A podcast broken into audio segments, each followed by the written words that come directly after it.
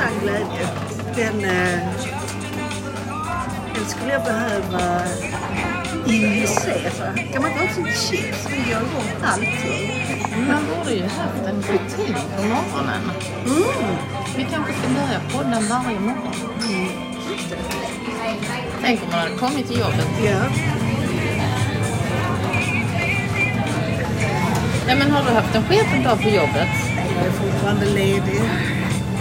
Men jag, tycker, man jag tycker jobbet verkar ta väldigt mycket av din tid. Jag skulle ju säga det, sen måste jag säga att det fyller trots din lediga tid. Så eh, det är svårt att släppa det helt och hållet. Det, eh, ja, men det löper på. Det är lite alarmerande. Ja men det är det. Mm. det. Det är inte bra. Och det är för mycket, det är för mycket ångest. Och man kan dra paralleller till då, riktigt dåliga relationer. Ja. Där man vill släppa, men det går inte. Nej. Det maler runt, runt, runt, runt, runt. Ja. Och det blir... Det tar, Alltså det blir ju hur var... Och jag kan utgå från mig själv. Hur vaken jag än är. När jag befinner mig i det som du beskriver. Då kan jag inte se det på något annat sätt än att det mynnar ut i självtvivel.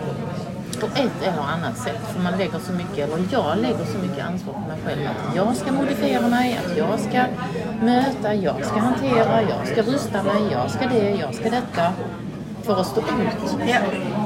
Men det tar också så mycket energi. Det tar, tar orimligt mycket energi måste jag säga. Och det, det bekymrar mig. För det gör också att jag kan liksom inte vila mig riktigt i form heller, vilket jag har hållit på med nu faktiskt i två veckor. Så nu, nu får det vara slut, för nu har jag inte tid med det mer. Nu måste jag liksom komma igång till lite action också.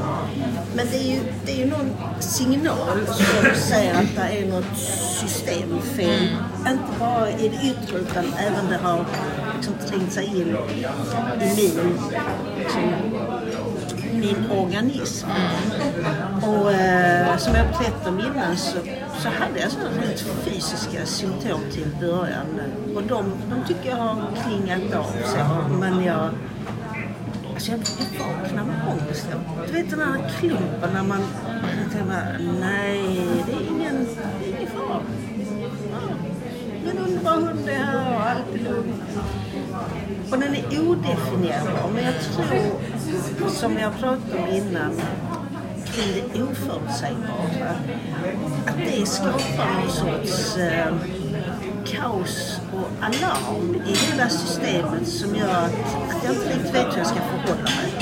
Men, men bortsett från det så, så tycker jag att jag har, bra struktur på min fritid. Jag kommer inte igång och skriva för egen del och det tror jag också är någon sorts eh, signal på någonting som gör att jag inte har ro. och- Men, eh, men jag ska fan inte låta mig knäckas av det här. Det, eh, Nej, nej, definitivt inte. det ska jag inte. Det är bara... Alltså jag tror att man kan se det... Och det kan ju låta helt sjukt i dina öron eller i någon annans öron. Men man kan ju se det som en del av en resa. Och att du känna dig själv ännu bättre. Ja. Och att vi säger man bara backar två veckor.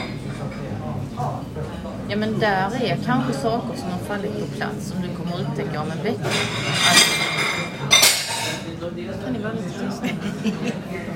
Ja, men jag är övertygad om det och jag ser ju att det är andra saker i, i mitt liv som, som liksom går i rätt riktning. Jag ser att det är nya dörrar som öppnas och eh, ja, men en del ängslighet som jag hoppas ska kunna försvinna eftersom det är ju också, precis som du sa, det är orimlig, orimlig energiåtgång så är det också orimlig oro över en massa saker som, som ju egentligen bara är som en liten mjölk som blir sur. Alltså, Ja, fast jag tänker om du går till den här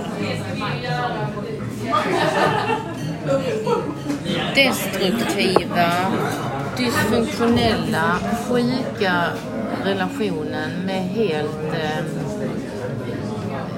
felfördelad makt. Det är ojämlikt. Det är någon som...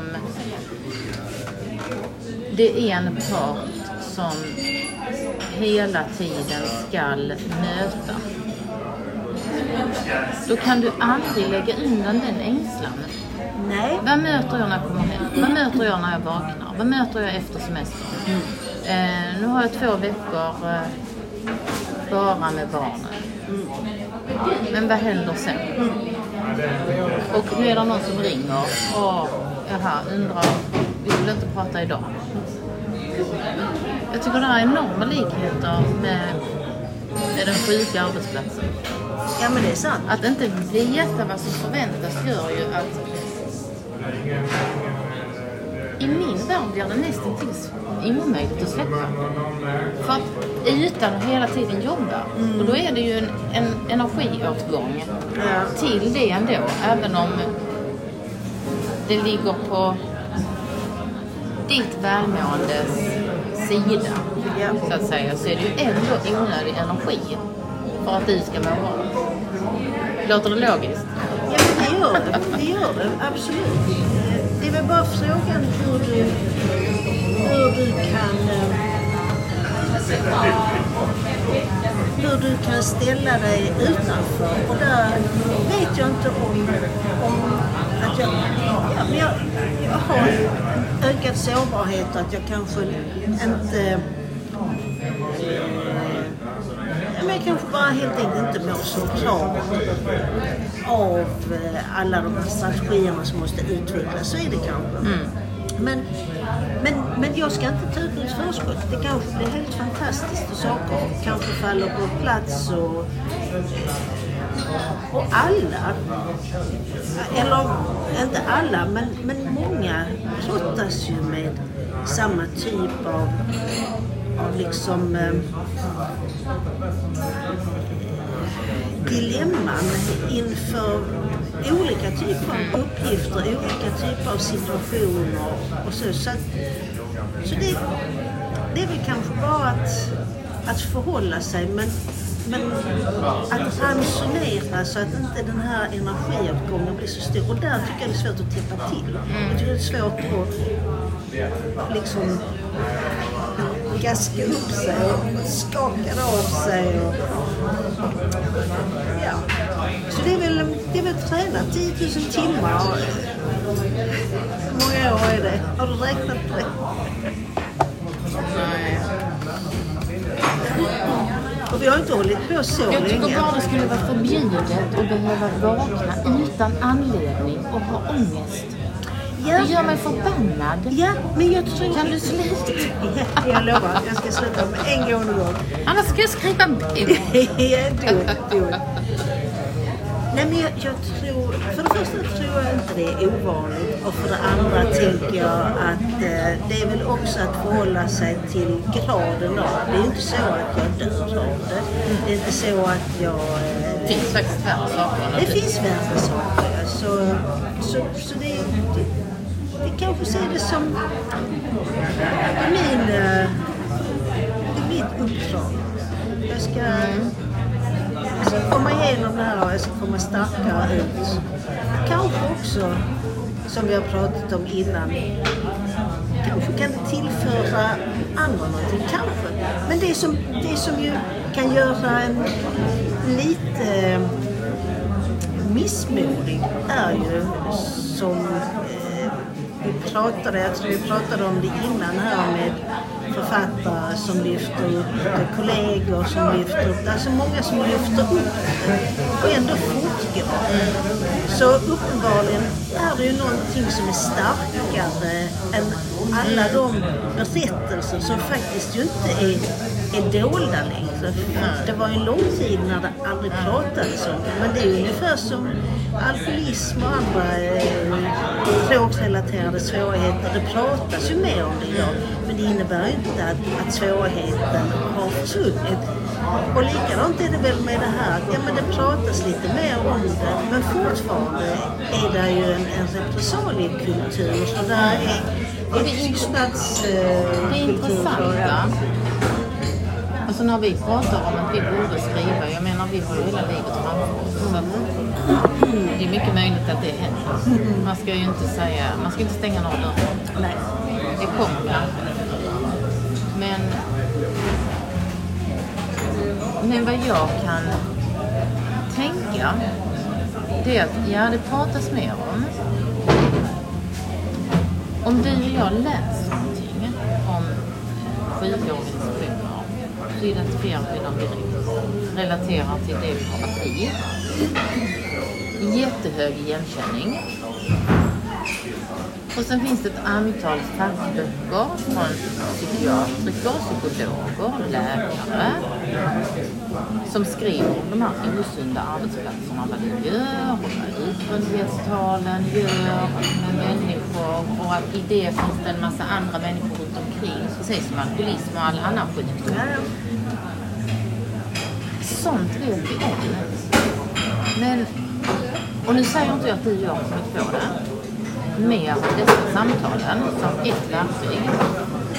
Men det finns ju ingen som har lyft på locket och synliggjort den sjuka organisationen och styrkan i den och hur man kan överleva där. Utan att köra slut på sig. Nej. Eh, nej, men det finns ju de som försöker. Men jag vet inte om det fortfarande finns så mycket rädslor också förknippat med det. För, eh, för där finns ju, det, det poppar ju upp någon då och då. Och där poppar det upp en bok som jag inte har läst ännu, men som handlade om eh, det var någon kvinna som hade varit engagerad i något fackligt förbund som jag inte kommer ihåg vilket. Men där hon beskrev hela den kulturen som jag också har sett delar av.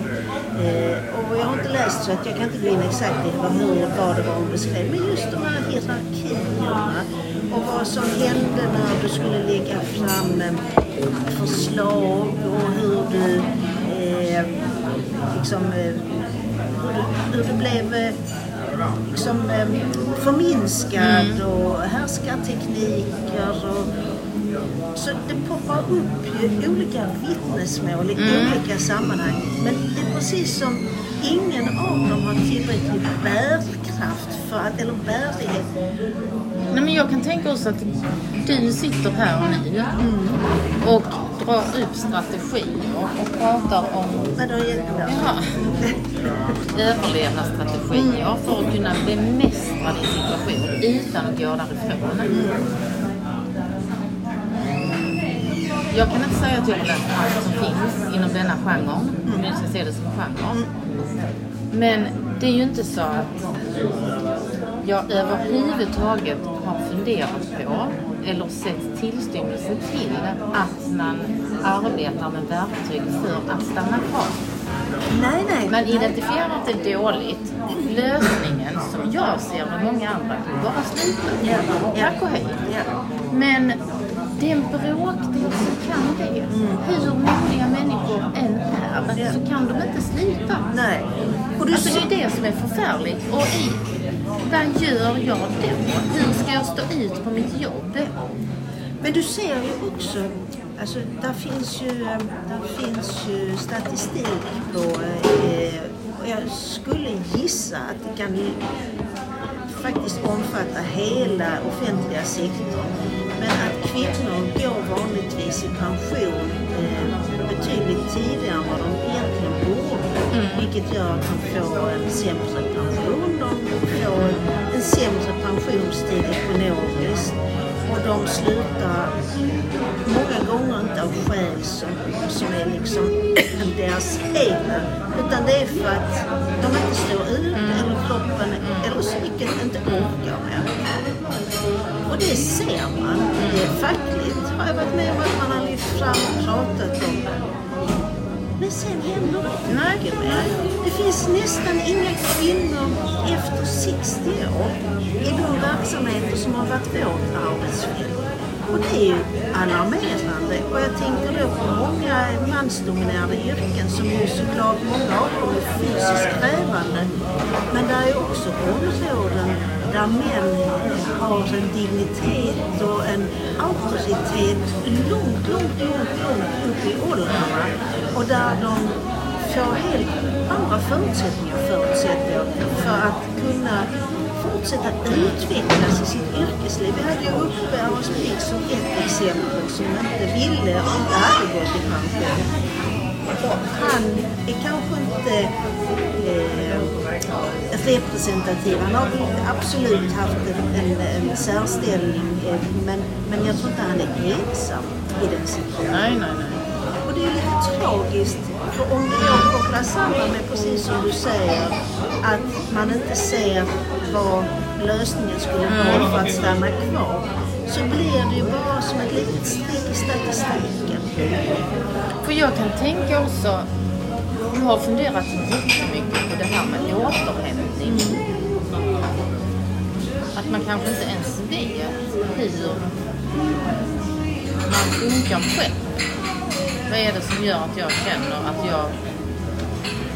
Det behöver, alltså, det är ju sällan den nattlig sömn som du känner dig återhämtad. För att det kanske är att du behöver, du och jag har varit inne på det och pratat om det, ja men man behöver en time-out på förmiddagen, man behöver en time-out på eftermiddagen.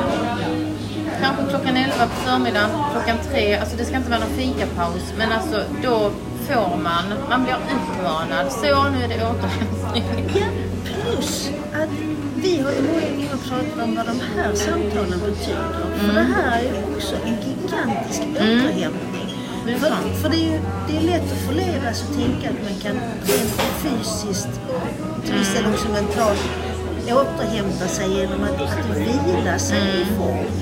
Men det som du behöver med en hjärntrött, eh, med hjärntröttheten är ju också ett förlustupplevelser som ger hjärnan incitament att vilja fortsätta.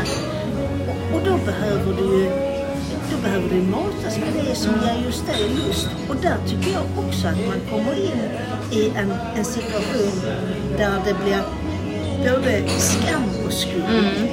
För jag kanske tänker att hade jag tagit en, en eftermiddag och gått på konsthallen Ja. och bara spatserat runt, insugit en massa olika eh, konstnärliga uttryck så hade det kunnat vara en gigantisk återhämtning. Men inte ska lilla jag ägna en eftermiddag åt någonting som... som Betald Ja, nej men, nej men så, Ja. kom, så kommer Ja, ju Luther. Vi ja, har pratat ja. om Luther innan. Nej fy! Det vet jag späker med och sätter några tabeller. ja. Så egentligen, e egentligen eh, hade du haft, eh, och det finns det kanske utrymme för att få legitimitet. Men hade du till och med haft det som friskvård, alltså att eh, betald friskvård. Nej men jag tänker också. Upplevd känsla av frihet. Det här har vi också pratat om till leda, men jag tror aldrig man kan sluta prata om detta. Det är detta man borde prata om mer överallt på alla nivåer. För att om min arbetsgivare har tillit till att jag kan disponera min tid, då skulle det inte vara någon fråga eller något ifrågasättande om jag lägger in en eftermiddag i veckan, varannan vecka, i mitt schema där jag går på kontakt. Är du med? För jag vet att det genererar det här i leverans till min arbetsgivare. Och jag vet inte om vi har ljugit för oss själva om att vi kvinnor har ett starkt systerskap.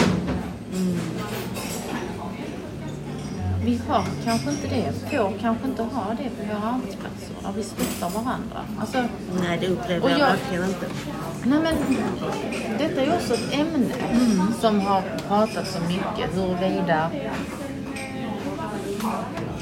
svågerpolitiken bara gäller män som håller varandra om ryggen och ser att jag vinner på detta och du vinner på det. Ja men jag sviker dig aldrig. Nej. Men att vi kvinnor är belagda med ett annat öde. Att vi kanske inte står upp för varandra så enkelt. Jag vet inte. Men, men tänker man tillbaka på de kollegorna och de arbetslagen och de grupperna man har befunnit sig i så är det ju oftare att man känner en osäkerhet över sin egen identitet i gruppen. Vilken roll man spelar, ska spela, skulle spela. Vad man ska säga, och vad man inte ska säga. Så man kan ju dra detta till basic. Behöver inte gå djupt in i det. Utan det är liksom på ytan. I alla dessa mötena, alla dessa olika organisationsutvecklingar som ska leda till något helt fantastiskt. Och av det måste du skina upp som en sol för det här kommer bli helt fantastiskt. Men det är ingen som vet. Och alla tvivlar. Men ingen pratar om det. Nej. Nej, det är... Bara det gör ju att det blir en konstig miljö och ett konstigt klimat att befinna sig i. Ja, det är det. Och, och det är ju också, för, för det är ju det är på vilket sätt som, som du håller, hur du skulle kunna eh, hålla varandra om, om ryggen. För, för det handlar ju om att få ett professionellt stöd. Eh, ja, jag, jag, jag tror jag Ja, men det blir jag ska- jätteintressant om man gräver i det. För att jag upplevde ju inte till en början att jag var det för dig eller du var det för mig. Det fanns inte utrymme. Nej, nej, nej, nej. Nej, nej. Utan vi var styrda och riktades. Även om vi inte förstod vart här. Alltså vi hade ju snällt hamnat i någon buss till gaskammaren. För vad visste vi om vad vi hade blivit satta på? I helt nya ingenting. roller. Nej, ingenting alls. Och det var liksom ingen annan heller som hade någon tydlig målbild. Nej, och kanske inte heller att, att det finns det där tydliga ledarskapet. För, för det är ju ändå trots allt där det faller tillbaka på. För du behöver ju, du behöver ju någon som ser dig och som, som, eh, som lyssnar på vad du har att säga och som, som kan skapa den där tryggheten och som också får dig att känna dig uppskattad i sammanhanget. Ja, men samtidigt att man har den typen av ledare hela vägen. Där det är tillåtet att falla tillbaka och få lov att säga att det här bemästrar jag inte, det här kan jag faktiskt inte. Det här kan jag men jag gör inte det jättesnabbt. Alltså för att hitta det som man pratar om i skriften. Alltså hitta kompetenser. Resursen finns i gruppen. Ja men det är ju aldrig någon som letar efter resurser. För du kan ju inte hitta resurser om du inte, om du inte jobbar relationellt, professionellt. Nej, du måste ju vara genuint intresserad också. Att, att ta reda på vad den här, vad den här spelaren har för komponenter som, som tillför gruppen. Ja, och vad de kan bidra med. För Ja. det är ändå det. Det är ingen vinstdrivande verksamhet. Men det är ju, vi vill ju ändå ha en... Vi vill ha leverans. Vi vill se Absolut. resultat. Och jag tror att där kan du, den här optimeringen av kompetenserna, där du kan få varje person Excellent novis. Ja. den är underbar. Nej men att du får känna att du är betydelsefull. Jag, jag tror, jag tjatar om det ofta och mycket. Men jag tror oavsett vilken befattning, oavsett ålder, var du befinner dig i en organisation. Så ska du varje dag känna dig som en tillgång i gruppen. Om du är där eller om du inte är där så ska du känna att, att gruppen behöver just dig. Sen är det inte sunt med en organisation där varje, varje befattning, liksom, att det blir personbundet så det blir sådär sjukt sårbart. Men så li- Man länge vill ju inte finns... vara den oumbärliga. Nej, det är inte så bra. Men just att känna att, att nej, men du är värdefull. Men det är ju en form av tillhörighet. Det jobbar man ju. Jag har ju fallit tillbaka lite grann in i, i min gamla skolvärld. Men där tillhörighet står för just det du beskriver nu. Att är du inte här, då saknar vi dig. Ja. Alltså vi kan ju jobba ändå, Ja. men du tillhör den här gruppen. Ja. Och saknad, inte på det där stressfyllda. Nej, Utan saknad för att just du, du har de komponenterna. inte det där, var är du? Nej, exakt. Nej. Och du ska också kunna vara ifrån och känna en ro i det. I att maskineriet fortsätter att rulla. Ja, men tycker det är kul när du ska tillbaka Ja, och längta tillbaka. Istället, alltså det hade ju varit så sjukt avkopplande att få lov att ta semester och känna att skönt att vara ledig tre veckor, fyra veckor, men det ska bli attans kul att komma tillbaka. För då, man kan visualisera. ja.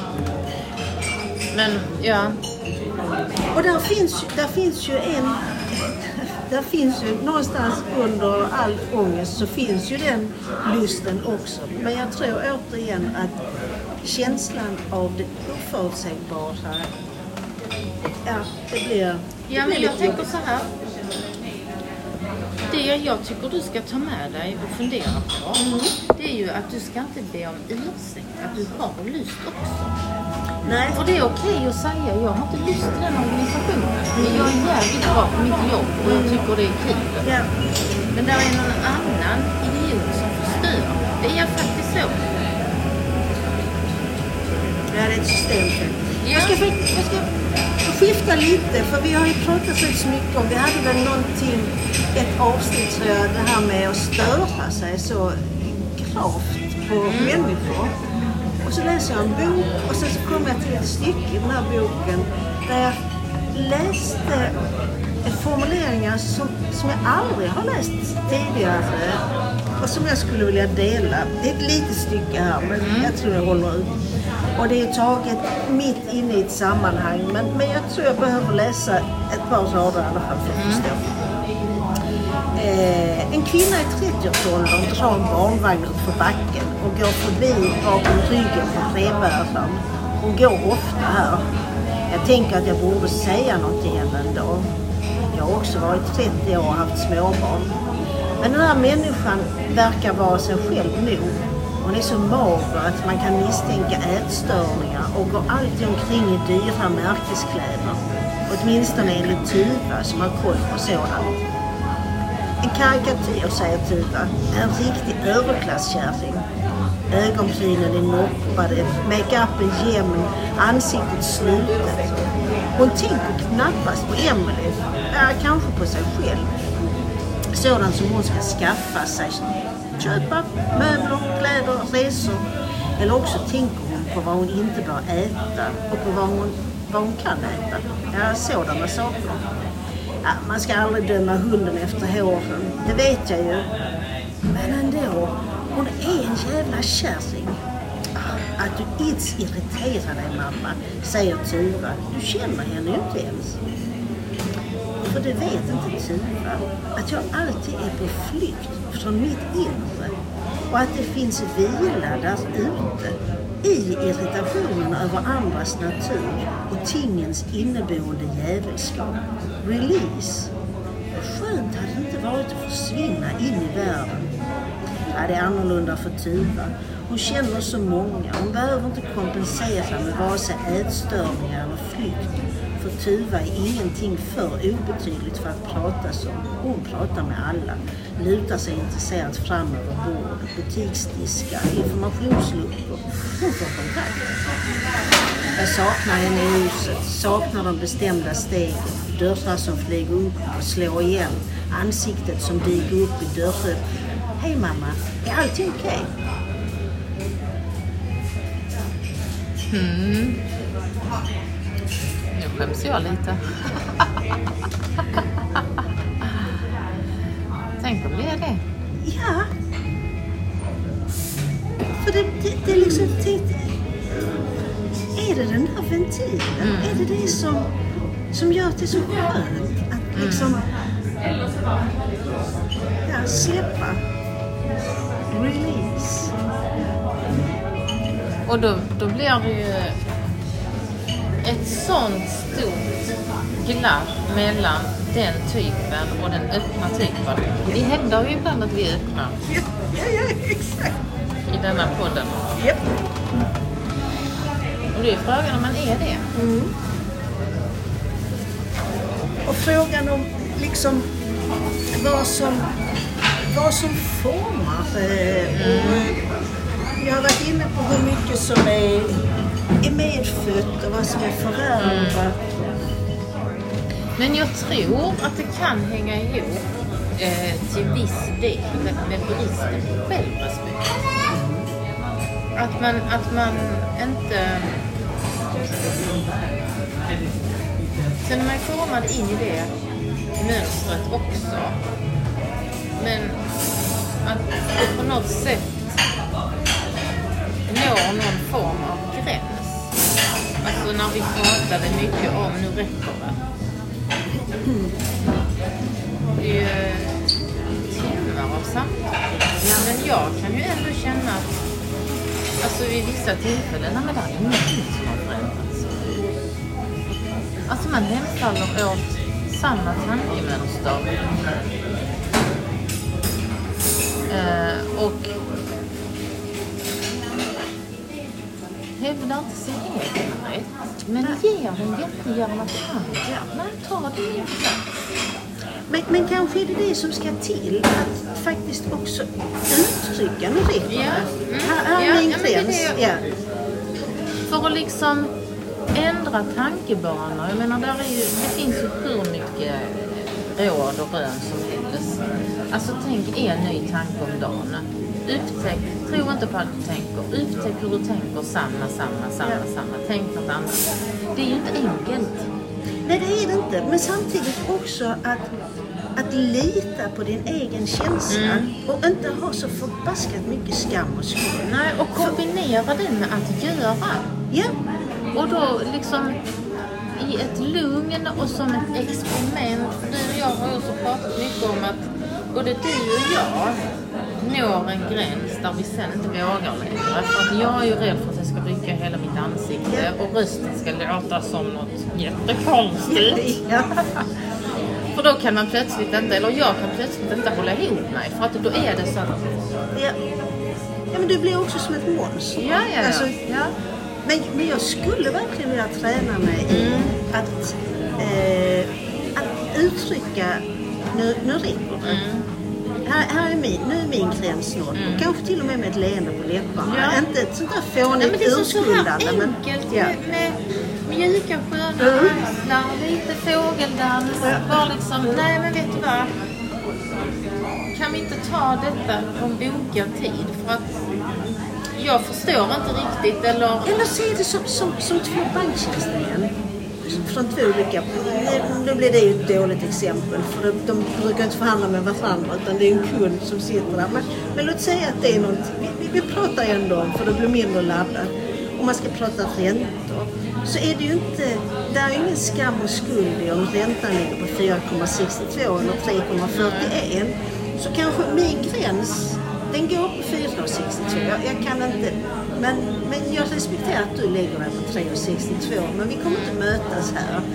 Alltså att hitta någonting som är sådär oladdat. För i resonemang blir det ofta så jäkla laddat. Men om jag har en uppfattning. Kan vi göra något träningsprogram här? Ja, ja. Och testa varandra bara för att. Ja, faktiskt. Ja.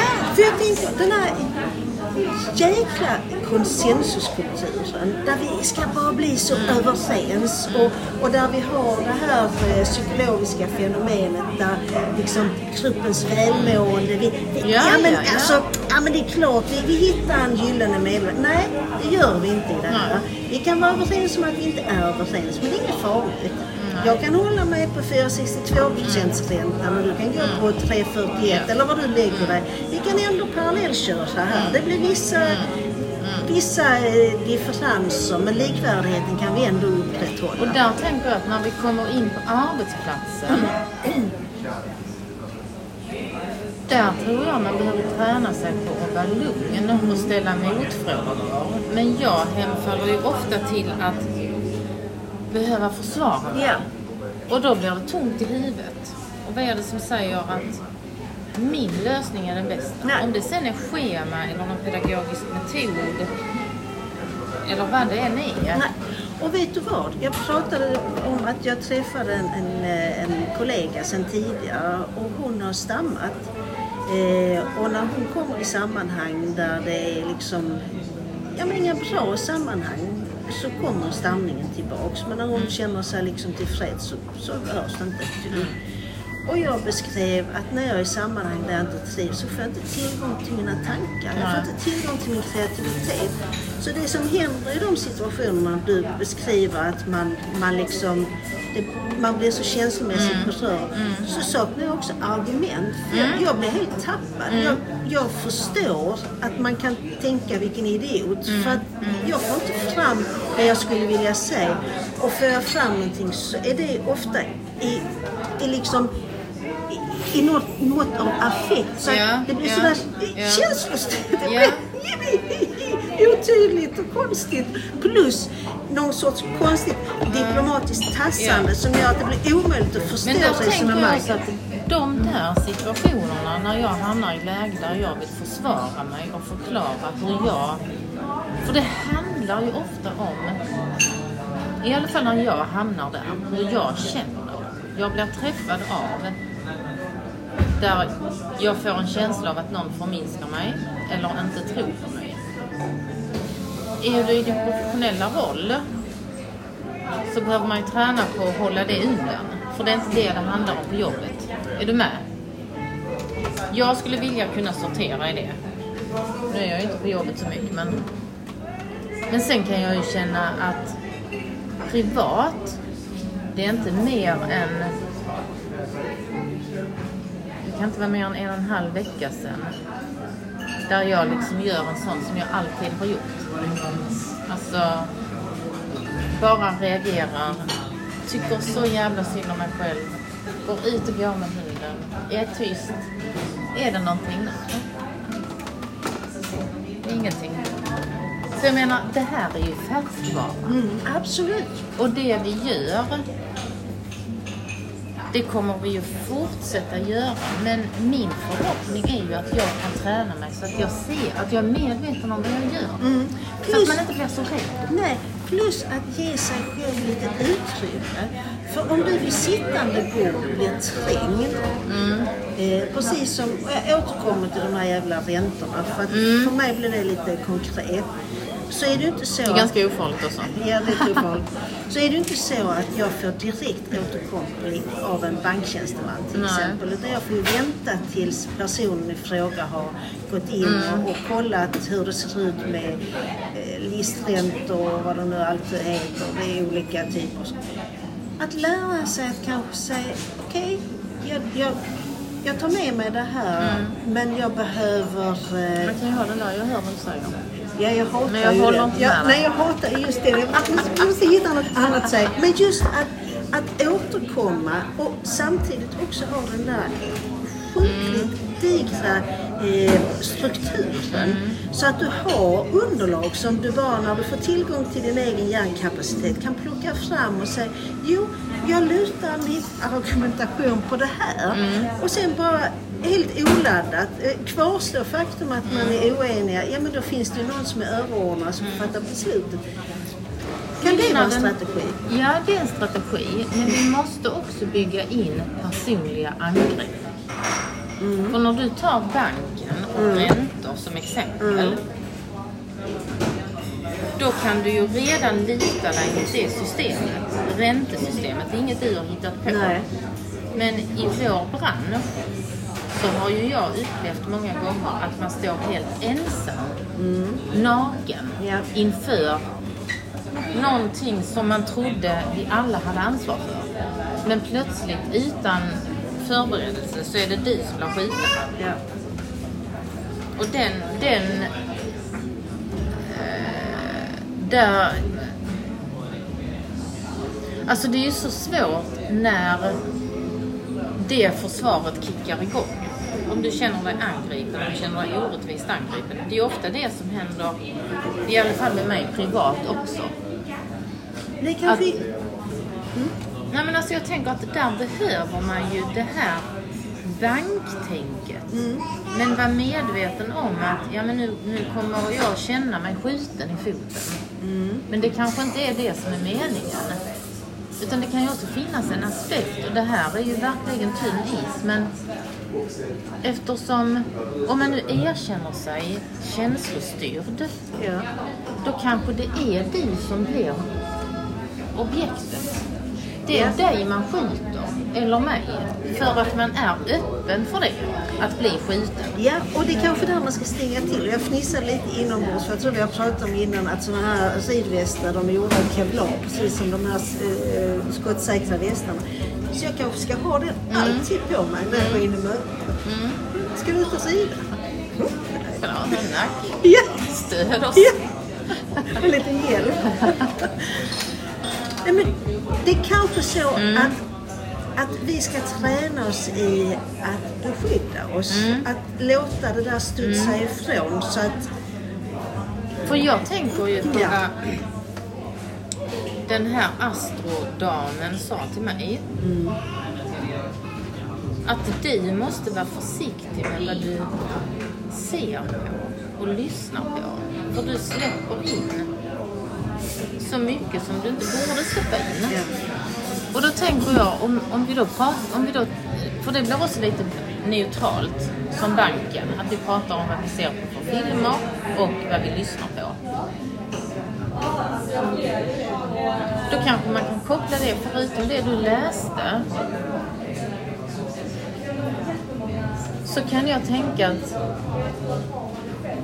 Ja men det jag själv blir sårad av, då blir det plötsligt logiskt att man får ut det på någon annan. En kissetant eller en sambo som är i samma, samma ålder som jag själv, som tränger sig i kön. Mm. Och liksom ha ett objekt där. På samma sätt som man känner att de har gått åt en själv. Så man är konstant på något sätt. Men det måste ju finnas andra sätt Ja, vi ska inte komma göra dit det. För att, för att jag, nej, jag tänker att vi ska inte heller känna att, att vi är defekta. Nej. Och det är normalt att känna så här. Det är normalt. Ja. Vi, vi har rätt att, att känna och också känna annorlunda än gruppen. Och det är inte fult att vara känslostyrd. Men jag har nog tyckt det. Ja, jag också. Det är vidrigt. Aversion till Och det. sen känslostyrd, det är ju så många olika saker. Men jag Jag är inte upplever inte... känslostyrd. Nej, men jag upplever inte... Eh, jag upplever mig inte känslostyrd. Men där finns en känslighet i situationerna. För, för jag upplever varken att du eller jag låter liksom känslorna bara fara iväg som jag Nej. tycker många andra gör. Och så, Jag tror de är här inne ja, och lägger sig på oss själva. men vi är ju oerhört mycket i huvudet. Ja, Vi är oerhört mycket i att liksom reflektera och analysera. mycket exotisk eh, sammansättning. att både vara så känslig och så mycket huvud. Ja. Vi är unika. Som du nu säger. Ja, men så, jag, jag vill hävda att det är så också. Men jag menar det här att man går i falsett, inte litar på sina egna uttrycksmedel. Det känner jag ju är oerhört känslostyrt. Alltså jag är styrd av den känslan som den människan har väckt hos mig. Eller det mötet, eller de orden. Men vi har också en inarbetad fasad som vi tar till, även om vi har sagt att den ska vi inte ta till vid fel tidpunkter. Alltså, allting hänger ju ihop. Det hänger ihop. Men jag tror också att vi ska lita mer på den här känsligheten. För Mm. när det är som vi har stört oss sjukt mycket på så tror jag inte heller att vi bara, bara ska tänka att Vi ska inte bara mörda. Nej, men jag tror bara att vi ska tänka att vi tar ut vår egen, våra oförrätter på någon annan. Utan faktiskt också tänka att vi har en förmåga Mm. till att känna in. Och de här, en del av de här människorna förtjänar vårt hat. Så, Oh ja! ja. så, så det, det... Ja, men jag tror större tillit till att att det vi känner in, att det vi, vi har den Ja, förmågan. så det är inget jag- fult, det är något fint. Ett stort last stolthet. Ja. Det har vi också pratat om många gånger. Alltså, vi har verkligen åstadkommit mycket. Mm. Vi har barn som åstadkommer jättemycket, som klarar sig oerhört bra i livet. Vi har glansiga fina hundar som vi sköter om. Nej men alltså, stolt över den man är och stolt över att man är känslig och stolt över att man brakar samman. Man är bara människa. Men det är väl bättre det än de som, som, som liksom aldrig tänker en tanke om att saker och ting kunde vara kanske annorlunda än det som de har tagit ställning för eller emot. Alltså reflektionen, att, att hela tiden vara i... eh, Ja, Hela tiden vara levande. ja. Ja, hela tiden i nuet.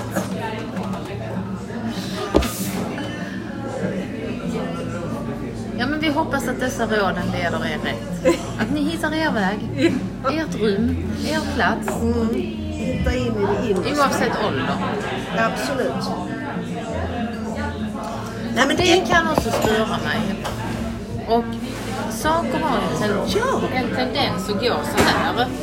Att det här är jätteviktigt, det måste jag skriva upp. Och det skrev jag till dig. Mm. Men nu har vi ju pratat om män och kvinnors ålder och arbete en del idag.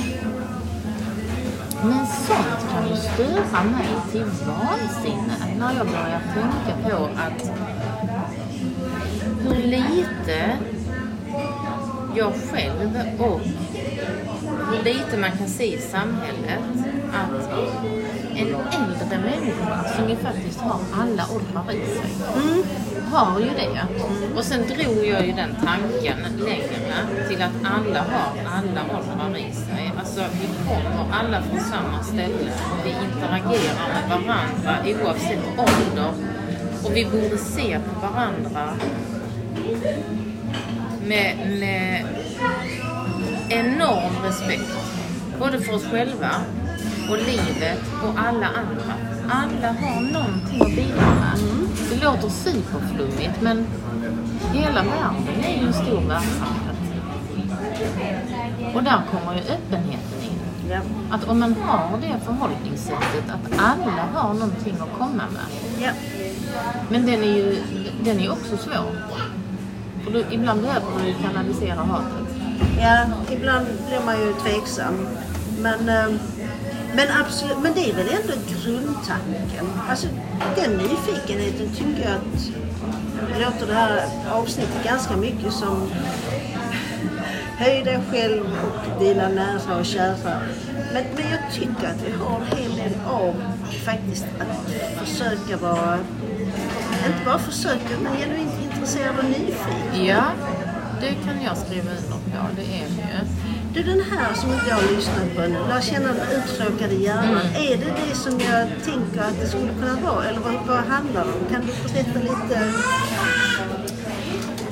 Ah, alltså, jag lyssnar på henne i huvudet på Epstein på P1. Detta avsnittet, Lär känna den uttråkade hjärnan, där pratar forskare om... Där är tre forskare som inte är riktigt eniga om hur våra hjärnor fungerar och vad uttråkning kan leda till. Där de kommer till den farliga uttråkningen. Eh, de pratar jättemycket om arbete. Eh, den goda uttråkningen som, som väcker kreativitet och inspiration. Och hur allting eventuellt hänger ihop. va? Men framför allt så inspirerande att lyssna på tre forskare som kan jättemycket om ämnet. Och som står på olika platser. Och inte riktigt håller med varandra. Spännande, Så det tänk, måste jag och sen när jag lyssnar så tänker jag bara att ja, men här är så mycket att vända på. Och friheten i att dra olika slutsatser utifrån samma resultat. Men var öppen. Och så Epstein tycker jag, alltså... Hon har ju så här lite... Det gillar jag. Ja, ja, jag också. Och hon, ja men okej då, om du säger så. Men om jag då vaknar en morgon och gör så här, vad ska jag då göra? Det här måste jag lyssna på. Mm, och de är väl en halvtimme långa. Okej. Jag tror inte de är så långa. Men jag tänker att det kan vara kul om du lyssnar och sen kan man prata om det. Yep. I do. Där är en norrman och så är det det är en norrman och så är det en kvinna som jag, som jag inte kommer ihåg namnet på och så är han Anders Hansen med. Yep. Och Anders Hansen i detta sammanhanget, men jag ska bespara det för det kan vara kul om du lyssnar och du säger vad du tycker. Ja, men det ska jag. Den tar vi till nästa. Men det med åldrar tyckte jag också var så spännande. Eh, Mm.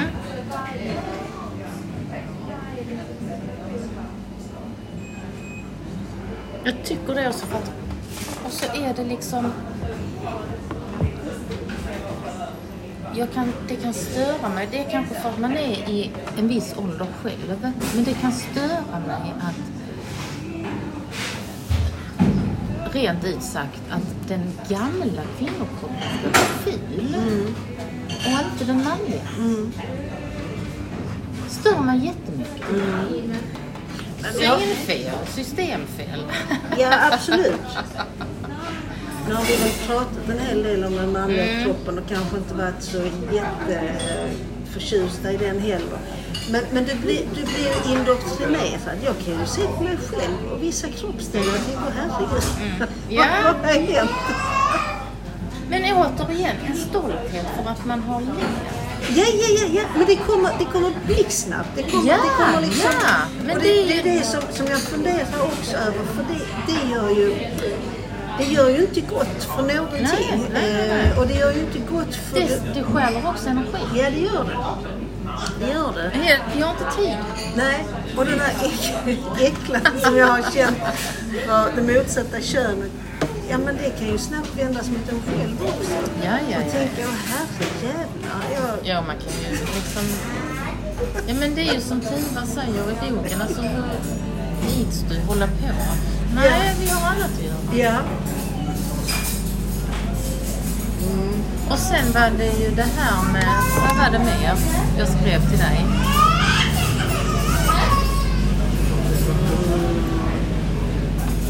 skrev också sammanhang person kopplat till vissa metoder för att stå ut, inte gå under på grund av andra människors dumhet kanske. Fokusera Ja. sina egna dumheter. Det har vi gjort idag ju. Faktiskt. Alltså för att det där tänker jag, det var en sån tanke som jag fick när vi, när vi nu sitter och, och det vi har pratat om. Ja men att vända till sig själv, alltså se det komiska i sina egna. Så att man kan på något sätt utan att interagera med den andra ändå relatera till. Och skapa sig en förståelse även om man inte får den förståelsen. Ja. Och se det ur ett annat...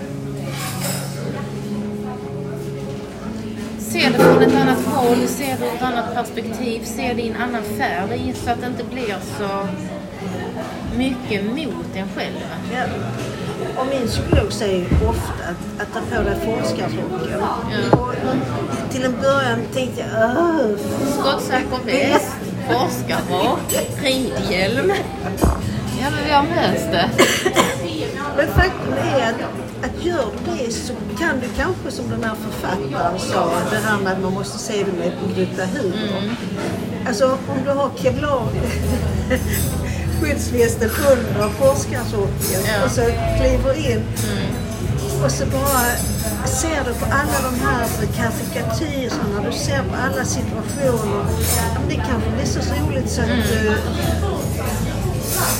liksom Ja, men att hjärnan också får all den här lusttillgången som, som gör saker och ting mycket enklare. Jag går omkring med fånigt leende ja, ja. Men, Ja, men ja. det hade ju varit, Ja. det hade ju varit ett experiment. det? Jag undrar hur lång tid det hade tagit innan... Alltså om man... Inte bara en gång som en lustig episod utan varje gång. Mm. Så hade man testat så här. Alltså för, hade, för det är klart Mm. att första gången kanske... Men har du på dig? Kanske man får så. Penna här, Ja. namnbricka. Och sen? Runda Om du fortsätter. Vad tror, vad tror du hade hänt? Vad tror du gruppen hade... Tror du gruppen hade... Är det som psykakut?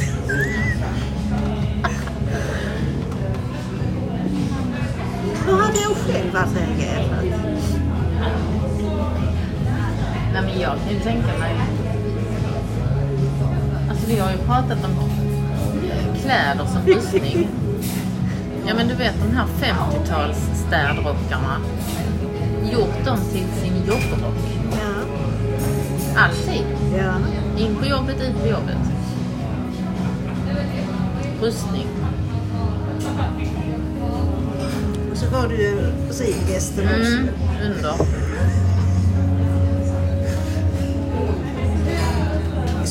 Kunna hävda eh, alltså, Men att man behöver stöd i för ryggen Ja, kanske? Men jag menar, hur självupptagna tror du kollegor är? Tror du verkligen det hade blivit så?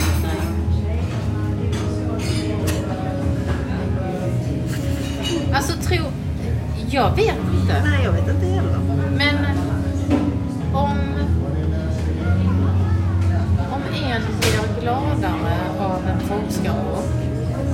Skyddsväst. Ja, vem vet? Du kanske hade gjort jätteskillnad. Alla hade kanske forskarrockar. eller Vad håller de på med? S9, eller vad det heter.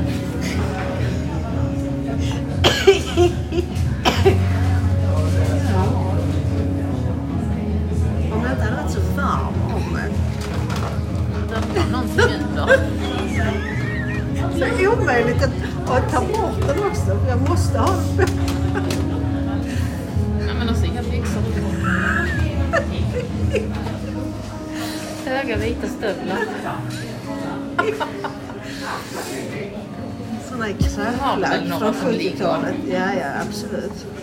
Absolut. Med lite platå. Nej men lek med tanken. Tror du verkligen någon hade sagt någonting? Det är nästan så att jag blir jättenyfiken. Jag vill utmana dig. Pröva, pröva, pröva.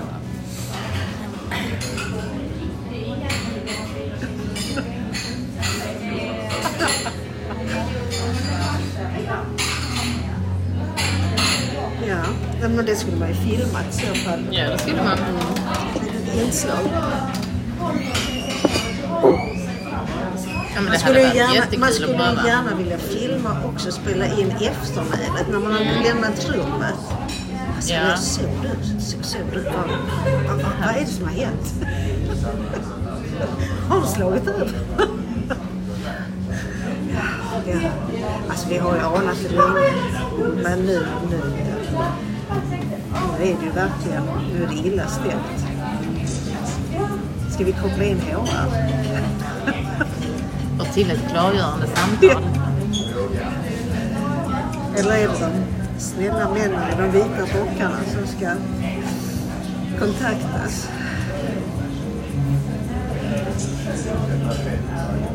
Ja, Mm. ja livet är spännande. Ja. Ode Hassel. Du det här så. Ja, det ska man också ha. Så, Platåstövlarna. Alltså den.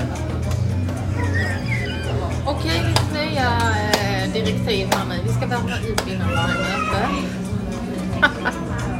Direkt från utbildningschefen.